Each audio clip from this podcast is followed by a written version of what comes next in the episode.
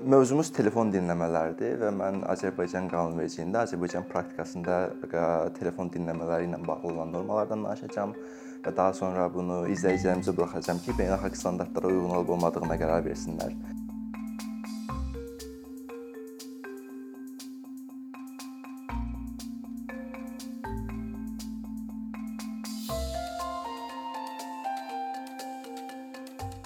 Telefon dinləmələri ilə bağlı birinci məsələ bu telefon dinləmələrinin ümumiyyətlə hansı cinayətlər dairəsinə tə tətbiq olunması ilə bağlıdır. Bununla bağlı bizim qanunvericilikdə müəyyən boşluqlar var. Yəni cinayətlərin konkret dairəsi müəyyənləşdirilməyib. Düzdür, əməliyyat axtarış fəaliyyəti haqqında qanunda telefon danışıqları ilə bağlı müəyyən normalar var. 13-cü maddədə, eləcə də cinayət prosessual məcəllədə. Amma konkret hansı cinayətlər törədildikdə telefon danışıqlarını dinləməyə icazə verilir, bu bizim qanunvericilikdə əks olunmayıb. Bu da ə, hüququn əsas prinsiplərindən biri olan proporsionallıq, mütənasiblik prinsipinə ziddir. Yəni ki, bizdə cinayətlərin müəyyən kateqoriyaları var da, böyük ictimai təhlükə törətməyən, az ağır, ağır və yaxud da xüsusilə ağır. Məsələn, ağır və yaxud da xüsusilə ağır cinayətlərdə telefon danışıqlarını dinləmək bir qədər məntiqə uyğundur və mütənasiblik tələbinə icazə, yəni cavab verir. Amma məsələn, şəxs oğurluq edirsə müəyyən miqdarda 500 manatdan 1000 manata, məsələn bizdə 177-ci maddə ilə Cinayət Məcəlləsinin böyük ictimai təhlükə törətməyən cinayətdir və həmin cinayətin araşdırılması üçün nəyə görə telefon danışıqlarına icazə verilməlidir? Bu məsələ bizim qanunvericilikdə açıq buraxılıb. Və mən ona görə hesab edirəm ki, qanunvericiliyin bu məsələsi problemlidir. Yəni konkret ağır və yaxud da xüsusilə ağır cinayətlərə tətbiq oluna bilər, amma böyük ictimai təhlükə törətmə və az ağır cinayətlərə tətbiq olunması proporsionallıq tələbinə cavab vermir. Burada da beynəlxalq standartlara nəzər salsaq, məsələn, Avropa Ədalət Məhkəməsinin bir qərarı var 2014-cü ildən. Düzdür, Avropa Ədalət Məhkəməsi bizim üçün o qədər relevant deyil, çünki Avropa İttifaqının, yəni məhkəməsidir. Biz Avropa İttifaqına üzv deyilik. Amma yenə də insan hüquqları baxımından nəzərdən keçirəndə, yəni qabaqcıl orqanlardan biri olan Avropa İttifaqının təcrübəsini nəzərə salsaq yaxşı olar. O 2014-cü ildə məsələn Avropa İttifaqının üzv olan dövlətləri qanunvericiliyi nəzərdən keçirdi. Orada belə bir şey var idi ki, deməli hüquq mühafizə orqanları şəxslərin telefon danışıqlarına və yaxud da telekommunikasiya operatorlarını istifadə etməklə göndərilən məlumatlara çıxış əldə edirdilər 6 aydan 2 ilə qədər. Və məhkəmə bunu nəzərdən keçirdi, dedi ki, 3 aspektdən problemlidir. Birincisi, konkret şəxslər dairəsi müəyyənləşdirilməyib. Yəni ki, bütün Avropada yaşayan şəxslər hamısı telefon danışıqlarına çıxış əldə edə bilər hüquq mühafizə orqanları. İkincisi, konkret cinayətlərin dairəsi müəyyən olunmayıb bizdəki kimi. Yəni konkret bir kriteriya müəyyən olmayıb ki, bu bu bu cinayətlər törədiləndə bu bu bu əsaslarla mən sənin telefon danışıqlarına qulaq asacağam və onu cinayətin araşdırılması üçün istifadə edəcəm. Üçüncü məsələ də ümumiyyətlə nəyə görə bu 6 aydan 2 ilə qədər müddətin müəyyən olunması məsələsi özü problematikdir. Çünki məsələn araşdırma olanda ola bilər ki, sən bunu 2 ay tamamlayasan, 3 ay tamamlayasan və yaxud da araşdırma olsun ümumiyyətlə məlumatdan, yəni telefon danışığından istifadə etmək kimi bir zərurət yaranmasın. Onda o mənim şəxsi məlumatımın səndə qalması özü problemlidir. Yəni 6 ay qorunması, qoyulması minimum ki 6 ay qulaq asılmalıdır. Bu problemlidir. Düzdür, burada bizim qanunvericiliyi bir qədər təkmildir. Çünki Cinayət Prosessual Məcəlləsinin 259-cu maddəsi ilə konkret göstərilir ki, şəxs haqqında telefon danışıqlarının dinlənilməsi 6 aydan çox davam edə bilməz. Amma bu müddətlə bağlı başqa problemlər var və mən o söhbətin gedişinə toxunacağam nə ilə bağlıdır. Amma o müddəanın qoyulması ki, telefon danışıqlarına 6 aydan artıq müddətə qulaq asıla bilməz. Bu bir qədər progressiv müddəadır və bu baxımdan qanunvericilik Avropa standartlarına cavab verir. İkinci məsələ ümumiyyətlə qanunvericiliyin açıq olmaması ilə bağlı məsələdir. Bu tam qədim məsələn Roma dövründən gələn bir məsələdir ki, məsələn orada 12 cədvəl qanunları var idi. Bazar meydanında 12 cədvəl qanunları asırdılar ki, şəxs bilir ki, mən bu qanunlara əməl etməliyəm və bu qanunlara əməl etməsəm mənə hansı cəzalar gözləyir. Amma Azərbaycan qanunvericiliyində şəxsin telefon danışıqlarına qulaq asmaq bir qədər bir qədər deməzdim, hətta xeyli dərəcədə qaranlıq sferada qalıb. Məsəl üçün əməliyyat axtarış fəaliyyəti, yəni e, rabitə şəbəkələrində əməliyyat axtarış fəaliyyətinin həyata keçirilməsi zamanı informasiya təhlükəsizliyinin təmin olunmasına dair bir qaydalar var. Həmin qaydalar 2015-ci il prezidentin fərmanı ilə təsdiq olunub. Amma həmin fərmana baxsaz qaydalar özü yəni dərc olunmayıb. Yəni gizli, məxfi saxlanılan məlumatlardır. Bundan başqa telekommunikasiya haqqında qanunun 39-cu maddəsində göstərilir ki, telekommunikasiya operatorları, o cümlədən provayderləri əməliyyat axtarış fəaliyyətinin həyata keçirilməsi üçün o gün o cümlədən kəşfiyyat və əks kəşfiyyat əməliyyatlarının həyata keçirilməsi üçün şərait yaratmağa borcludurlar. Bunun üçün telekommunikasiya şəbəkələrini müəyyən əlavə cihazlarla təmin etməyə borcludurlar və eyni zamanda onun həyata keçirilməsi zamanı və bu tədbirlərin həyata keçirilməsi zamanı istifadə etdikləri üsulları gizli saxlamağa borcludurlar. Yəni bir tərəfdən hüquq mühafizə orqanlarına bu qadağan olunub, yəni ki, publik səviyyədə paylaşılmır bu qaydalar. Digər tərəfdən də operatorların özlərinə belə bir öhdəlik qoyulub ki, fəaliyyətin həyata keçirilməsi zamanı həyata gör, yəni gördükləri tədbirlər gizli saxlanılmalıdır. Digər bir problemli məsələ telekommunikasiya haqqında qanunun 33-cü maddəsi ilə bağlıdır.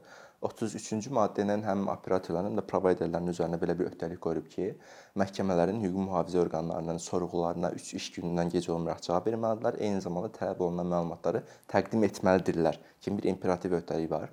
Yəni beynəlxalq standart onu tələb eləyir ki, sual müstəntiq gəlib operatordan, məsələn, mobil operatordan mənim telefon danışığımı istəsə, mobil operator deyir ki, məsələn, bu adamın şəxsi həyatına müdaxilədir. Onunla bağlı mənə məhkəmə qərarı təqdim elə ki, doğrudan da təqdim eləmək kimi öhdəliyim var. Ondan sonra təqdim eləyim. Amma bizim qanunvericilik belə bir tələb qoymur. Yəni müstəntiq kimisə danışığına qulaq asmaq istəsə, bununla bağlı operatora müraciət edə bilər və operatorun qanunla nəzərdə tutulmuş öhdəliyidir ki, o məlumatları tətbiq təqdim eləsin. Bu deməli ictimaiyyətə açıq olmamaqla bağlı başqa bir məsələ eyni zamanda 2005-ci il Nazirlər Kabinetinin qərarı var. Rabitə müəssisələri tərəfindən bu rabitə vasitələrinin satılması və istifadə olunması zamanı tətbiq olunan şərtlər haqqında orada nəzərdə tutulur ki, biz tutan mobil e, nömrə alırıq və mobil nömrə al aldığımız zaman müəyyən kateqoriya məlumatlar təqdim edirik. O kateqoriya məlumatlar rabitə və yüksək texnologiyalar Nazirliyi tərəfindən yaradılmış elektron bazada saxlanılır və həmin elektron bazaya Daxili İşlər Nazirliyi və Dövlət Təhlükəsizlik Xidmətinin birbaşa çıxışı var. Yəni ki, onlar heç bir məhkəmə qərarı almadan istər Daxili İşlər Nazirliyi, istərsə də Dövlət Təhlükəsizlik Xidməti bizim telefon danışıqlarımıza qulaq asa bilərlər və məhkəmə qərarını tətbiq e, təqdim etmək kimi bir öhdəlik olmadan. Bu da özlüyündə qanunvericiliyin çatışmayan cəhətlərindən biridir. Növbəti problemli məsələ telefon danışıqlarına qulaq asan şəxslərin dairəsi ilə bağlıdır. Yenə də burada 259-cu maddə Cinayət Prosessual Məcəllədə müəyyən tələblər qoyur. Məsəl üçün qoyur ki, hansı şəxsə tətbiq olunmalıdır, bu telefon danışıqları kim tərəfindən dinlənilməlidir, hansı konkret müddətə tətbiq olunmalıdır və yaxud da telefon danışıqları dinlənən zaman hansı məlumatlar əldə olunmalıdır kimi şərtlər göstərilməlidir məhkəmə qərarında. Amma praktikada bir növ bu qərarda, yəni bu qaydadan sapmalara rast gəlirik. Məsəl üçün Avropa Məhkəməsinin Azərbaycana qarşı bir qərarı var, Azər Əhmədov Azərbaycana qarşı. Orada məsələ belə idi ki, bir şəxs haqqında telefon danışığını dinləmə haqqında qərar qəbul olunmuşdu, amma tamam başqa bir şəxsin telefon danışığı dinlənilmişdi. Yəni məhkəmə qərarında da oxuyursan, görürsən yazır ki, bu şəxsin bütöv kontaktlarının telefon danışıqlarını dinləməyə icazə verilir. Avropa Məhkəməsi də qeyd edir ki, bu telefon danışığına qulaq asma şəxsin özəl həyatına ciddi müdaxilədir. Ona görə də konkret şəxslər dairəsi müəyyənləşdirilməli və konkret əldə olunmalı olan məlumat göstərilməlidir. Yəni və məhkəmə belə qərara gəldi ki, bu çox iki başlı ifadələrlə e, tərtib olunub. Ona görə də qanunvericilik tərəfindən cavab vermir və 8-ci maddənin özəl həyata hörmət hüququ ilə bağlı maddənin pozuntusunu tapdı.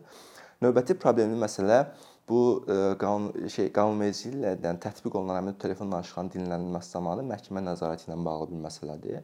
Yəni beynəlxalq standart belədir ki, bu gizli şəkildə həyata keçirilən bir fəaliyyətdir. Ona görə də üzərində məhkəmə nəzarəti olmalıdır. Yəni məhkəmə vaxt-vaxt çağırıb tutan müstəntiqi prokuror soruşa bilməlidir ki, yəni sən burada nə işlə məşğulsan, yəni müəyyən qanunsuzluqlara yol vermirsən ki. Amma bizdə qanunvericilikdə məhkəmənin səlahiyyəti yalnız həmin o ə, telefon danışığının dinləməsi barədə qərarın təsdiq edilməsi ilə yekunlaşır. Düzdür, yenə də şəxs şübhələnirsə ki, yəni müəyyən qanunsuzluqlar baş verib məhkəmə nəzarəti qaydasında yəni şikayət verə bilər. Amma bu tam, yəni qaranlıq yenə dediyim sferada həyata keçirildiyi üçün və şəxsin heç bir məlumatı olmadığı üçün o qədər də effektiv vasitə hesab olunmur. Yəni şəxs bilmir ki, onun haqqında telefon danışığı hansı formada həyata keçirilir. Ona görə də məhkəmə nəzarəti o qədər də effektiv ə, hesab olunan vasitələrdən biri deyil.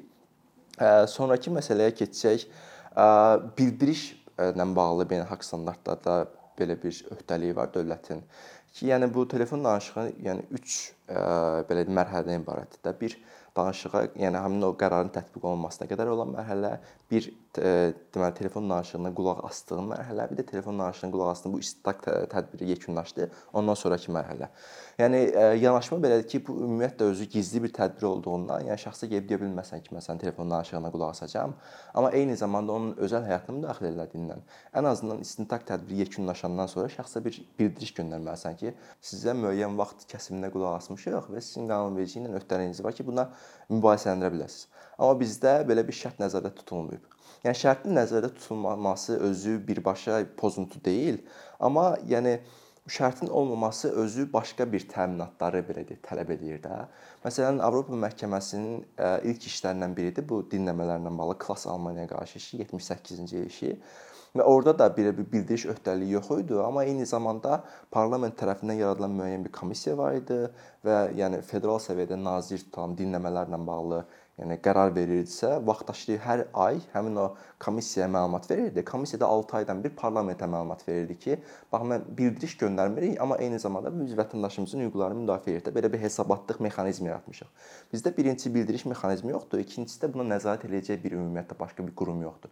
Düzdür, qanunvericiliyin ümumiyyətlə, yəni əməliyyat axtarış fəaliyyəti haqqında qanunvericiliyin tətbiq olunmasına nəzarət prokurorun belə bir səlahiyyəti var, amma sırf telefon danışıqları ilə bağlı onun məsəl üçün, yəni araşdırsın, bununla bağlı publik hesabatlar versin və yaxud da parlament hesablar hesabatlar versin. Belə bir şey Azərbaycan qanunvericiliyində nəzərdə tutulmayıb. Ona görə də bu şəxslərin bu deməkdir ki, Azərbaycanda olan istənilən şəxs potensial olaraq bunun qurbanıdır. Yəni belə bir dinləmələrə məruz qala bilər. Ona görə bu da bizdə olan növbəti çatışmazlıqlardan biridir. Və son olaraq kim qurban ola bilər onu dedik və bunu necə mübahisələndirmək olar bu məsələ də var. Yəni bu da xüsusi maraqlı bir məsələdir. Çünki Avropa məhkəməsi perspektivindən danışsaq, siz şikayət eləmək üçün əvvəlcə pozuntunun qurbanı olduğunu sübut etməlisiniz, faktlar tətbiq etməlisiniz. Amma bu məsələdə Avropa məhkəməsi bir qədər fərqli yanaşır. Deyir ki, bu tamamilə gizli fəaliyyət olduğundan və şəxs heç vaxt bundan məlumat ala bilmədiyindən və istənilən şəxs bunun potensial bir qurbanı ola bildiyindən ümumiyyətlə qanunvericiliyi mübahisələndirə bilər. Deyə bilər ki, bax yəni qanunvericilik mənə imkan vermir, heç bir halda demir ki, mən hansı halda dinləməyə məruz qala bilərəm və mənim belə bir şübhələrim var. Bununla bağlı gedim məhkəməyə və məhkəmə demə qane eləməsə, gedim Avropa məhkəməsinə 8-ci maddə ilə bağlı pozuntunu iddia edeyim. Və həmin o klass işi olsun, daha sonra tətbiq olunan Roman Zaxarov Azərbaycana qarşı işidir, olsun, yəni hamısı e, Roman Zaxarov Rusiyaya qarşı çox üzr istəyirəm. İşi də hamısı belə olub. Yəni ki, şəxs özü bilmir ki, yəni buna qarşı dinləmə olub ya yox və bununla bağlı ümumiyyətlə şübhələri var. Ona görə mübahisələndirib. Və sonra növbəti məsələ müddətlə bağlı demişdim, toxunacağam.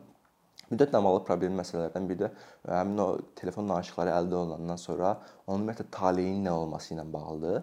Yəni ki, düzdür, yenə əməliyyat axtarış fəaliyyəti haqqında qanunda göstərilib ki, şəxs şübhələr təsdiq olunmursa şəxs haqqında cinayət prosesi nəticəsində əməliyyat axtarış fəaliyyəti e, nəticəsində əldə olunmuş telefon danışıqları 1 ildən sonra məhv edilməlidir və bu bizim ekvivalent olan yəni Rusiya qanunvericiliyinə götürmüşük cinayət prosessual məcəllərini, yəni cinayət prosessual müddəaları. Orada belə daha az müddət nəzərdə tutulub 6 ay. Bu 1 il müddətinin olması özü problemli məsələdir. Yəni mən haqqında şübhələr təsdiq olunmayıb, 1 il mənim məlumatlarımı nəyə saxlayırsan? Yəni şəxs məhkum olunursa belə, yəni onunla da bağlı bizdə qanunvericilikdə konkret bir müddəa yoxdur. Düzdür, sübutlarla bağlı, yəni şəxs məhkum olunursa, onların taleyi necə olmalıdır göstərilib. Amma sırf telefon danışıqlarına bağlı, yəni mənim şəxsi məlumatlarla bağlı, yəni bunun başına nə gələcək, yəni qanunvericilikdə tam şəkildə əks olunmayıb. Bu da yəni öncə görülə bilənlik tələbinə cavab vermir ümumi nəzərdə tutulan. Keçək və sonda ümumiyyətlə Azərbaycanda praktikada belə bir problemlər var ya yox məsələsinə. Belə bir təcrübələr, yəni mənfi təcrübələr bizim praktikada olub. Məsəl üçün müəyyən bir aksiyalardan sonra aktivistlərin çağırılması, dindirilməsi məsələsi olub. Daha sonra bu bizim sabiq e, Milli Təhlükəsizlik Nazirliyi var idi, o ləğv olundu və onun ləğv olunması nəticəsində müəyyən şəxslərə, yəni yüksək rütbəli məmurlara ittihamlar irəli sürüldü və bu ittihamlardan bir qismi qanunsuz dinləmələrlə bağlı idi. Yəni şəxs heç, yəni həmin şəxslər heç bir məhkəmə qərarı almadan vətəndaşların belə deyək danışıqlarını qanunsuz şəkildə dinləyirdilər. Və bəzən həmin materialları oxuyanda məlum olur ki, bəzən legitim şübhələr doğrudan da var ki, bu şəxs cinayət törədib, bunun qanunsuz telefon danışığını dinləmək olar. Amma yəni məhkəmə qərarı olmadan öz başına bu dinləmənin aparılması özü qanunvericiliyin pozuntusu və beynəlxalq standartlara cavab vermir. Və son ilin, yəni 2 il qabaq, yəni beynəlxalq e, belə deyək, konsorsium, jurnalist konsorsiumunun araşdırması nəticəsində belə bir skandal meydana çıxmışdı. Pegasus skandalı məşhur skandal idi ki, məsələn aktivistlərin, jurnalistlərin, siyasətçilərin, hüquq müdafiəçilərin telefon danışıqlarına qulaq asırdılar. Yəni bu praktika özü göstərir ki, bu sistematik şəkildə qanunvericilik pozulur. Və yenə də beynəlxalq standart Avropa məhkəməsindən bir stat gətirsəm deyir ki, müəyyən məsələn pozuntuların olması, məmur özbaşınalığı ona əsas vermir ki, ümumiyyətlə qanunvericilik problemidir. Amma sistematik şəkildə bu pozuntular davamlı şəkildə həyata keçirilirsə, bu deməkdir ki, sən qanunvericiliyində nəsə bir problem var, qanunvericiliyi dəyişməlisən. Və bunun onunla yekunlaşdırmaq istəyirəm ki, dediyimi, yəni dediklərimin məntiqi yekunu budur ki, şəxs, yəni aktivist olsun və yaxud da ümumi ə, siyasətdən uzaq olan hansısa bir vətəndaş olsun, şübhələnirsə ki, onun telefonunun danışıqlarına qulaq asılır, bunu yerli qanunverici, yəni yerli məhkəmələr qarşısında mübahisələndirə bilər və yerli məhkəmələr onun xeyrinə qərar vermirsə, Avropa məhkəməsinə çıxa bilər və yaxud da beynəlxalq başqa mexanizmlərə və şəxsi həyatının pozuntusu ilə bağlı ə, iddialar qaldıra bilər.